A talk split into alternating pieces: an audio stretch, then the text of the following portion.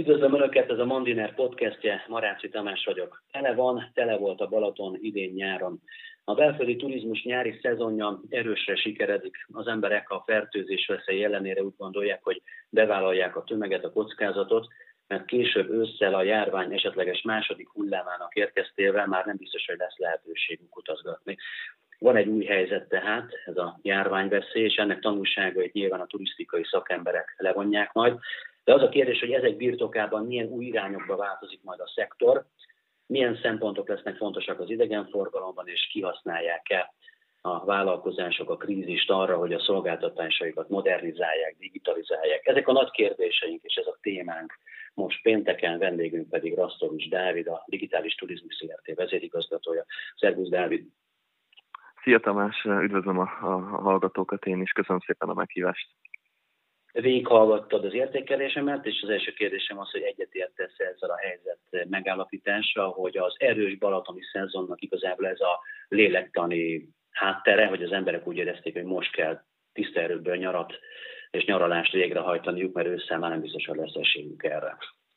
Hát ha a trendeket vizsgáljuk, és az utóbbi heteknek, hónapoknak a, a, a fogyasztói hozzáállását, akkor arról kell nyilatkoznunk, hogy hihetetlenül megnőtt a kereslet a belföldi turizmus iránt, hihetetlenül megnőtt az embertömeg a kiemelt turisztikai központokban vagy destinációkban, ami egy lehetőséget teremtett a vállalkozóknak, hogy a, COVID után, vagy a COVID post-covid időszakában olyan, olyan bevételeket tudjanak realizálni, ami ugye az előző hónapokban akár kiesett forgalmi oldalon. Ezek azért fontos dolgok, mert ugye azt mondtad, hogy lélektan. Minden egyes vállalkozás, és én úgy gondolom, hogy a, pont ez az év mutatta meg azt, hogyha ha fókuszáltak maradunk, hogyha koncentrálunk, és prioritásokat tudunk állítani, akár emberként, akár vállalkozóként, akár menedzserként, akkor hosszú távon még egy ilyen válsághelyzetben is tudunk olyan eredményeket elérni, ami pozitív irányban mutat. Erre még visszatérünk. Hagyj utalják először még, mielőtt ebbe a témába beleugranánk, a szállás.hu vezérigazgatója a szezon elején, július elején nyilatkozott nekünk, és ő már akkor azt mondta, hogy a, amit ő lát a rendszerében, a rendszerükben, az előfoglalások alapján már akkor látszott, hogy nagyon erős lesz a szezon, és a külföldi vendégek súlyos hiányát nagyjából pótolni fogja a, a, a váratlanul erős belföldi kereslet, és azt mondta akkor, prognosztizálta akkor, hogy a tavalyi forgalom 80%-a biztosan meg lesz, és hát nagyon úgy tűnik, hogy tényleg igaza volt, tehát ez egy nagyon erős nyár lett, tehát ezt a trendet még, hogyha ha értékelnéd. Hogy kimaradnak a külföldiek, mégis a belföldiek nyilvánvalóan nagyon, a magyar turizmus nagyon erős volt. Mindenképpen ez talán egy, egy külön beszélgetés is megérne. Az utóbbi hetekben nagyon sok balatoni és vízparti szolgáltatóval kerültem kapcsolatba.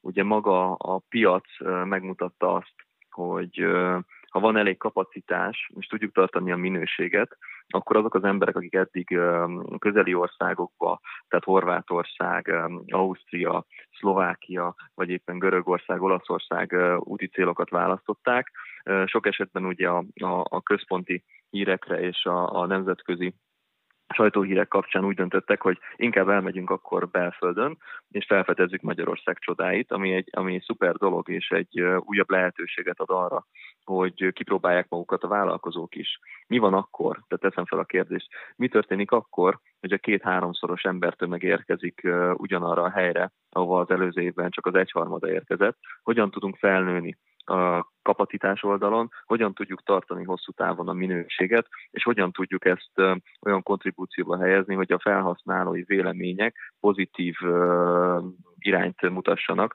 tehát ne negatív élmények érjék az embereket azért, mert sokat állnak sorba, vagy éppen későn jön ki az étel, és már hideg, hanem ezt, ezt a visszájára tudjuk fordítani, és a, a, a bevétel forgalmi növekedéssel mi tudjuk emelni a, a minőségünket és a, a szolgáltatásunknak a, a, a sokrétűségét.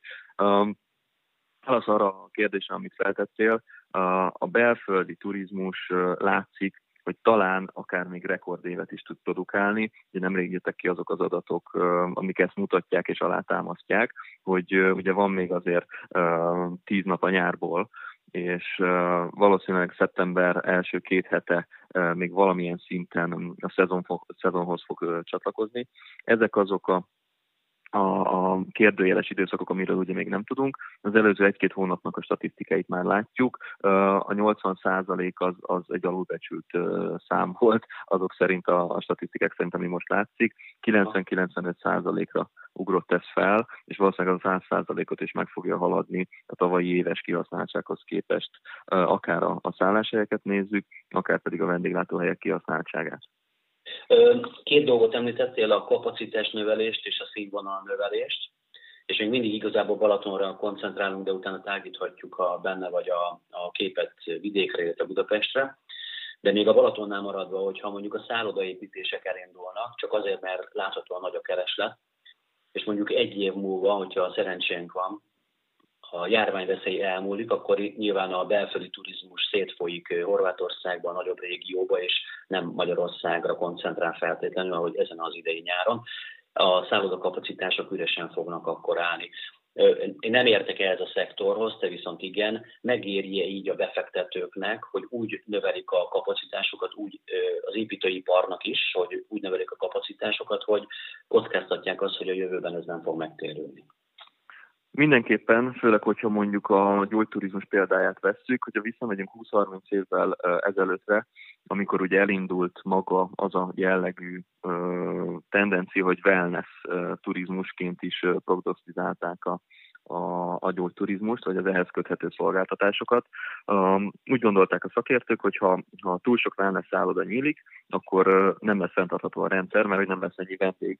Ez, ez uh, megszáfolásra került, és minél több wellness szálloda nyílt Magyarországon, annál többen kezdtek el utazni belföldön és, és uh, az országhatárokon belül.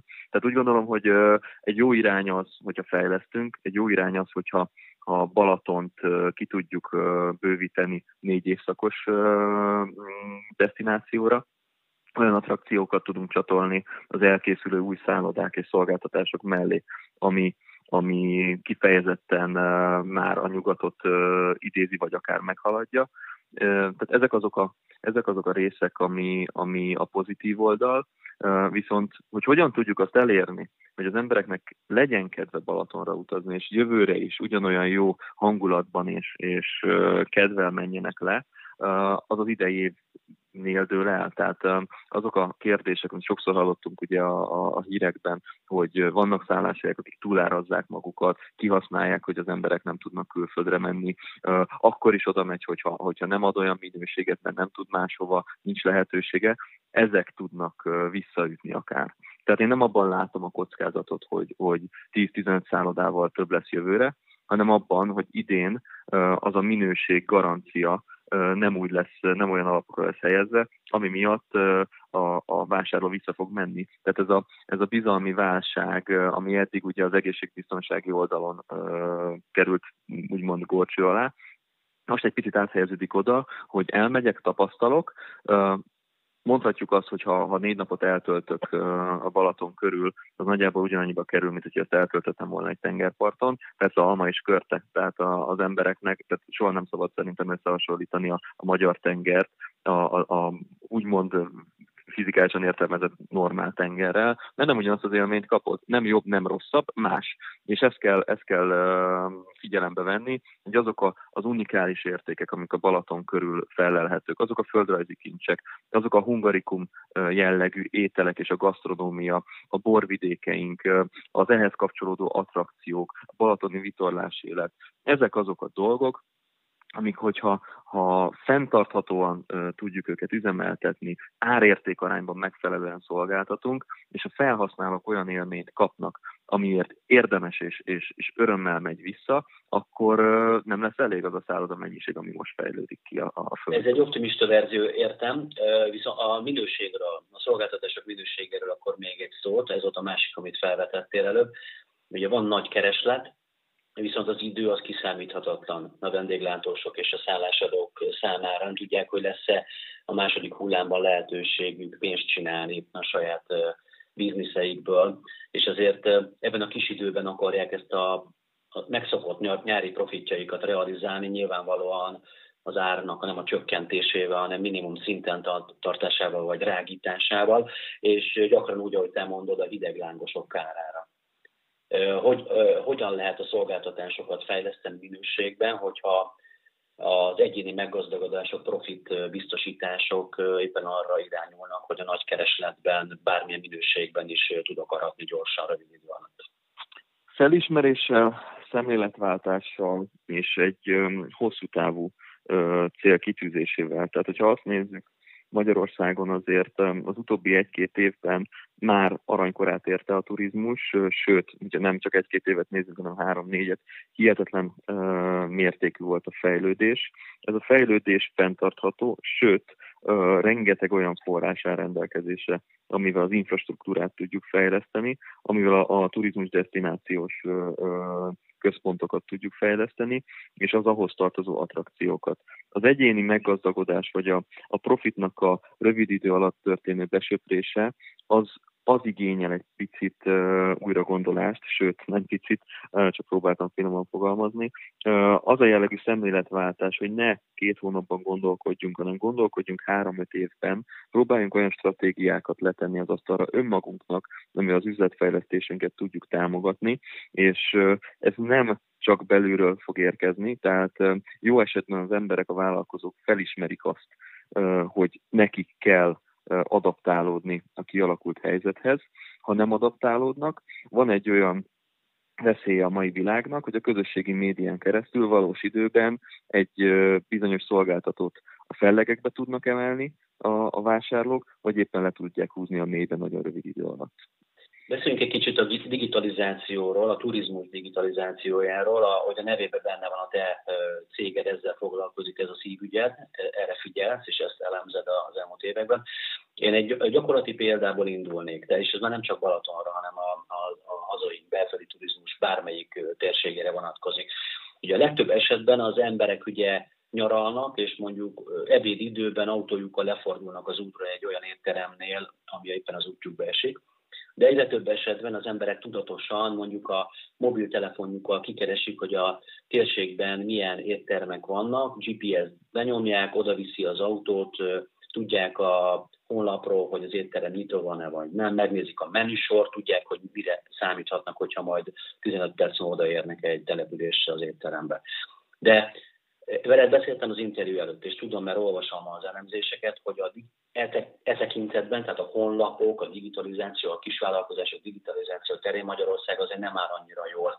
Ez a nyár meglöki ezt a trendet, tehát a vállalkozások, az éttermek, szállásadók belátják, hogy manapság a legtöbb ember már mobiltelefonon, laptopon előre foglal, és nem ott a helyszínen improvizál. Hogy áll ez a trend most, és hogyan veszik fel a ritmust a vállalkozások? Um, Amennyire negatív volt az év első fele olyan szempontból, hogy ugye nagyon sok cégnek és szolgáltatónak beszakadt a forgalma és árbevétele, annyira pozitívan hatott a, digitális fejlesztésekre és a, a hozzáállásra. Mondhatom azt, hogy aki, aki még évelején nem is skeptikus volt, hanem, hanem halogatta azokat a jellegű fejlesztéseket, ami a, a technológia vagy digitalizáció terén történhetett volna meg, azzal a címszóval, hogy, hogy ráérünk még, így is megy az üzlet, ugyanúgy bejön az a bevétel, mint tavaly, nem kell sietnünk, meg fogjuk csinálni, de még nem tudjuk mikor. Ezek az emberek hihetetlen sokat változtak, és ők kezdtek el keresni minket. Tehát a, megfordult a, a trend, míg mondjuk az előző három évben a piacról mi kerestük meg az ügyfeleink nagy többségét, és eredményekkel, új irányokkal meggyőztük őket arról, hogy, hogy érdemes velünk dolgozni. Most ők keresnek meg minket, és kérnek olyan használható megoldásokat, akár technológia, akár marketing, akár üzletfejlesztési oldalon, amivel fenntarthatóbbá tudják tenni a vállalkozásukat, a digitalizáció segítségével költségeket tudnak csökkenteni, és láthatóvá válhatnak a, a digitális nemzedék számára. Ahogy említetted, Régen ugye mentünk az út mellett és betértünk egy fogadóba vagy egy csárdába. Most több mint 50% az utazóknak használja azokat az applikációkat vagy webes felületeket, ahol tájékozódni tud arról, hogy a környezetében milyen szolgáltatók, éttermek, kávézók, végségek vannak, azoknak milyen az értékelése, és hogy milyen gasztroélményt kaphat tőle, akár tud asztalt is foglalni, vagy látja azt, hogy nyitva van, nincs nyitva, mikor lesz nyitva, tette a COVID-19 által okozott körülményekhez képes bármilyen fejlesztést, tehát megfogadta azokat az egészségbiztonsági tanácsokat, amit a, a, a kormányzat vagy a szakszervezetek adtak neki, vagy nem. Ezek nagyon fontos indikátorai most a vásárlásnak. Tehát az emberek, és főleg a, a 40 35 év alatti korosztály. Szerintem több mint 70%-ban már az internetről tájékozódnak. Azért mondtam, hogy szerintem, mert most hamarosan fogunk kiadni egy olyan tanulmányt, ami a fogyasztói kultúra változását vizsgálja a COVID következtében, és vannak olyan nemzetközi indikátorszámok, tehát ha a globális piacokat nézzük, hogy mennyivel nőtt meg a, a mobil eszközök és az okos eszközök használata, és mennyivel nőtt meg azoknak az applikációknak a használata arányban, tehát az azokkal eltöltött idő arányban mennyivel nőtt meg a COVID következtében hihetetlen számok. Tehát nem 10-20 százalékok, 30-50 százalékokkal nőtt meg ezeknek a használati eszközöknek a, a, a, a ciklikus időhasználata. Beszéljünk egy kicsit Budapestről még, és utána lépünk egy szinte följebb, egy globális trendekről beszélnénk még a beszélgetésünk utolsó egy negyedében. Budapest talán a, a legnehezebb helyzet, gondolom te is így látod. Itt van a legtöbb turista, és ezek, ez a szegmens az teljesen kimaradt szinte idén-nyáron. Viszont voltak nagy fejlesztési tervek még a járvány előtt az okos turizmus infrastruktúrájának a megteremtésére. Budapest hogyan vette az akadályt? Tehát ezt a válságot Budapesten hogyan lehet megoldani, ahol tényleg lötyögnek a, a hotelek és a, a szállások jelen pillanatban? Hogyan áll az integrált turisztikai rendszer kiépítése? Milyen jövő várható Budapesten? Én mindenképp úgy gondolom, hogy, hogy szép jövő vár ránk. A következő egy-másfél-két év rizikós lesz, és nagyon sok erőt és erőforrást kell ahhoz átcsoportosítanunk fejlesztési oldalra, hogy ezt túléljük. Nagyon sokan nem fogják túlélni, ez is úgymond tényként közölhető. Tehát, hogyha megnézzük azt, hogy a, a 7., 6. és 5. kerületben hány olyan vendéglátóhely van vagy szálloda, ami még mindig nem nyitott ki, és nem is tervezi a nyitást jövő tavasz előtt, az annak következtében látható trendek, hogy ugye a diszkont légitársaságok bejelentették, hogy mennyivel vágják meg az ideérkező járatok számát. Ez a, ez a járatszámvágás vagy csökkenés nagyjából megpecsételte egy időre Budapest sorsát, mert ahogy fogalmazta, hogy itt van a legtöbb turista, a legtöbb turista diszkont légitársasággal érkezik, és ezen a nyáron mondhatjuk azt, hogy, hogy 20-30 százaléka annak a, a számnak, ami mondjuk 2019-ben volt, Láttam több elemzést a, a, a Buterport ö, csapataitól, láttam több elemzést a, a Szállodaszövetségtől. Nagyon rossz a helyzet Budapesten, viszont abban a, abban a pillanatban, ahogy az egészségbiztonsági szempontokat ö, figyelembe véve újra tudnak nyitni, és biztonsággal tudnak újra nyitni a szállodák és éttermek, újra elindulnak a nemzetközi járatok, és újra elkezdenek érkezni naponta többször a diszkont légitársaságoknak a járatai, onnantól kezdve egy gyors visszaépülés várható. Inkább az a kérdés, hogy, hogy mikor. Az biztos, hogy a visszaépülés meg fog történni. Hogy ez 2021 nyarára megtörténik-e, ez szerintem nincs olyan ember, aki meg tudná mondani. Az, hogy 2022 tavaszára megtörténik, azért a 90% az embereknek ebben bízik a, a szakértők közül. Ha egy picit mélyebben belemegyünk, az, hogy kinyitunk és, és újra fogadunk vendégeket, az abban az esetben lehetséges, hogyha a kapacitás számunk, és ugye az a jellegű ökoszisztémája a budapesti turisztikának addig, addig fenntartható és fennmarad. Többen szkeptikusak, ahogy az elején mondtam, sokan be fognak zárni, sokan nem érik túl ezeket a hónapokat. Ugye a bevételüknek a, a, a nagy részét a nyári szezon termelte meg, a profit hányadnak a jelentős részét a nyári szezon termelte meg. Tehát most leginkább túlélésre játszik mindenki, és várják, és várjuk, én is ugye a, a szakértői oldalon, hogy mikor, mikor indul vissza a, az, a, az a trend és az a dinamika, amire már lehet építeni, ahova már stratégiát tudunk készíteni, ahol meg tudjuk határozni azokat az irányokat, hogy hogyan tudjuk még jobban felgyorsítani a visszaépülést, és hogyan tudjuk fenntarthatóvá tenni ezt a visszaépülési fázist. Jó, akkor a, talán az őszi szezonról beszéljünk, és a globálisabb trend, trendekről. Hogyha lesz második hullám, akkor összepuszálódnak a szálak a, a turizmusban, az mindenféleképpen így lesz.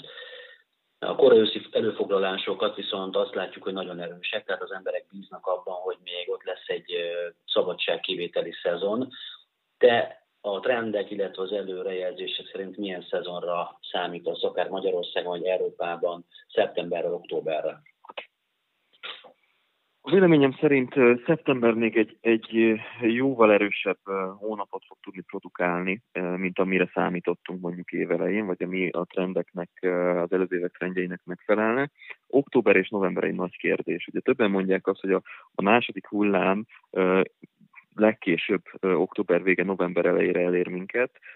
Ez is egy olyan kérdés, hogy, hogy erre nem tudunk építkezni. Tehát tudunk felállítani pessimista, realista és optimista verziókat. Én mindig a realizmus híve vagyok, tehát hogyha a realista verziót nézzük, akkor úgy gondolom, hogy olyan megszorítások, vagy olyan jellegű kiárási korlátozás, ami volt, nem lesz. Ez az én szubjektív véleményem, és remélem, hogy nem lesz majd megmutatja az élet, hogy, hogy milyen irányba megyünk. De az biztos, hogy a, a szálláshelyek és például a budapesti éttermek vendéglők még egy ekkora leállást nem tudnak túlélni. Tehát ez is egy olyan, olyan pont volt mondjuk május végén, június elején az újranyitás előtt, hogy már nagyon a végét járták, és személyesen ismerek több olyan ö, vállalkozót, üzleti partnereim, akik nagyon gondolkodtak abban, hogy az egészből kiszállnak, és, és nem akarják megvárni azt, hogy mi lesz, ha, de hál' Istennek ugye pozitívan alakultak a dolgok, és meg tudtak történni az újranyitások.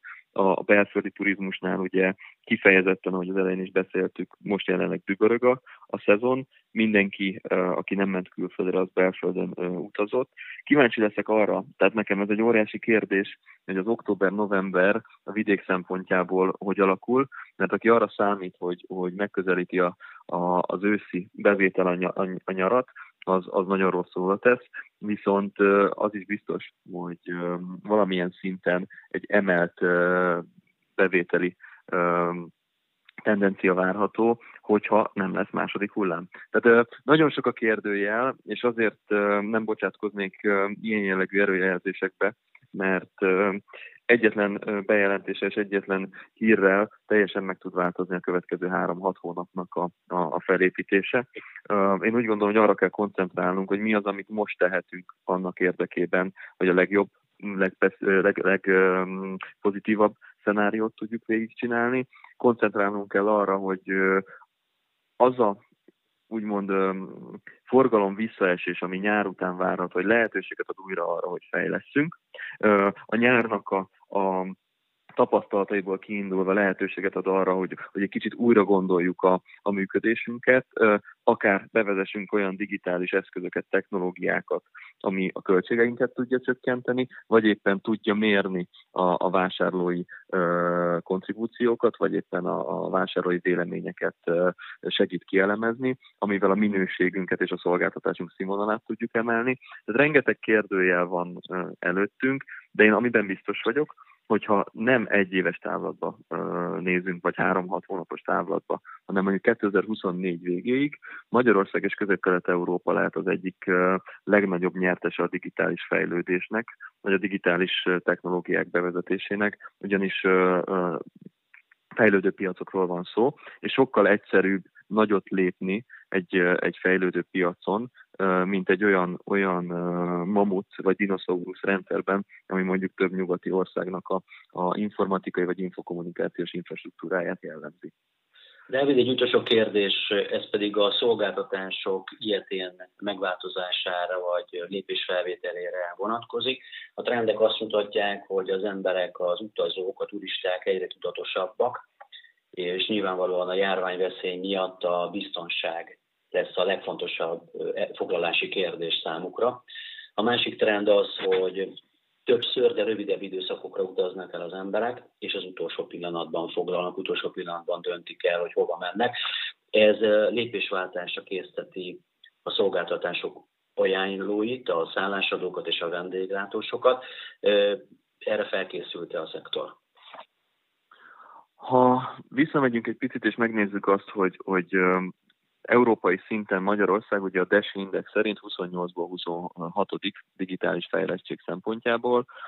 A turisztikai szektorunk Magyarországon belül az összes nemzetgazdasági iparák közül a modern vállalkozások felmérése szerint az utolsó helyen áll digitális érettség szempontjából, és ha megnézzük azt, hogy a digitális kultúra vonatkozásaiban a European Digital City Index készítette egy felmérést, amin kijelentették, hogy infrastruktúrálisan 11-ek vagyunk 60 városból, Budapestet nézve, viszont digitális vállalkozói kultúrában 60-ból 60-ok. Tehát ha azt mondom, hogy, hogy a jelenlegi állapot nem optimális, akkor, akkor nem árulok el nagy titkot, viszont én mindig azt nézem, hogy félig tele vagy félig üres, és én úgy gondolom, hogy félig tele, mert megvannak azok az infrastruktúrális alapja, alapok, megvannak azok a a, a tőkepiaci eszközök, vagy éppen források, amivel gyorsan tudunk fejlődni. Tehát ez megint egy olyan lehetőség, hogyha egy picit tudunk szemléletet váltani, és a szektorban működő vállalkozók, cégvezetők döntenek és rájönnek arra, hogy, hogy nincs igazából mire várni, és az a jövő, hogy digitális alapokra helyezzük a működésünket, bevezetjük a, a készpénzfizetés helyett az online fizetést, vagy a bankkártyás fizetést, vagy akár olyan, olyan digitális struktúrákat alakítunk ki, ahol a, a szolgáltatásunkat akár határokon átívelve is tudjuk szolgáltatni. Vegyünk ide borászatokat, vagy olyan termékeket gyártó cégeket, akik a turisztikához köthetők, de nem helyhez kötött a működésük, akkor, akkor jelentős fejlődési potenciál áll előttünk. Tehát nem szépek ezek a statisztikák, viszont a, amit én gondolok, hogy egy jól átgondolt stratégiával, együttműködésben, a, a vállalkozókkal közösen gondolkodva ki tudunk alakítani olyan, olyan fejlesztési stratégiát, fejlődési ívet, amihez tudnak csatlakozni, és ezt a hátrányt rövid idő alatt előnyét tudjuk kovácsolni. Dávid, köszönöm szépen az elemzést, köszönöm, hogy rászántál ezt a fél órát a Mondinerre. Én is köszönöm. Kedves hallgatóink, Rastovics Dávidot hallották, a Digitális Turizmus ZRT vezérigazgatóját. Ez volt a pénteki podcastünk. Jó hétvégét kívánok Béres Sándor kollégám nevében, és találkozunk a jövő héten viszont hallásra.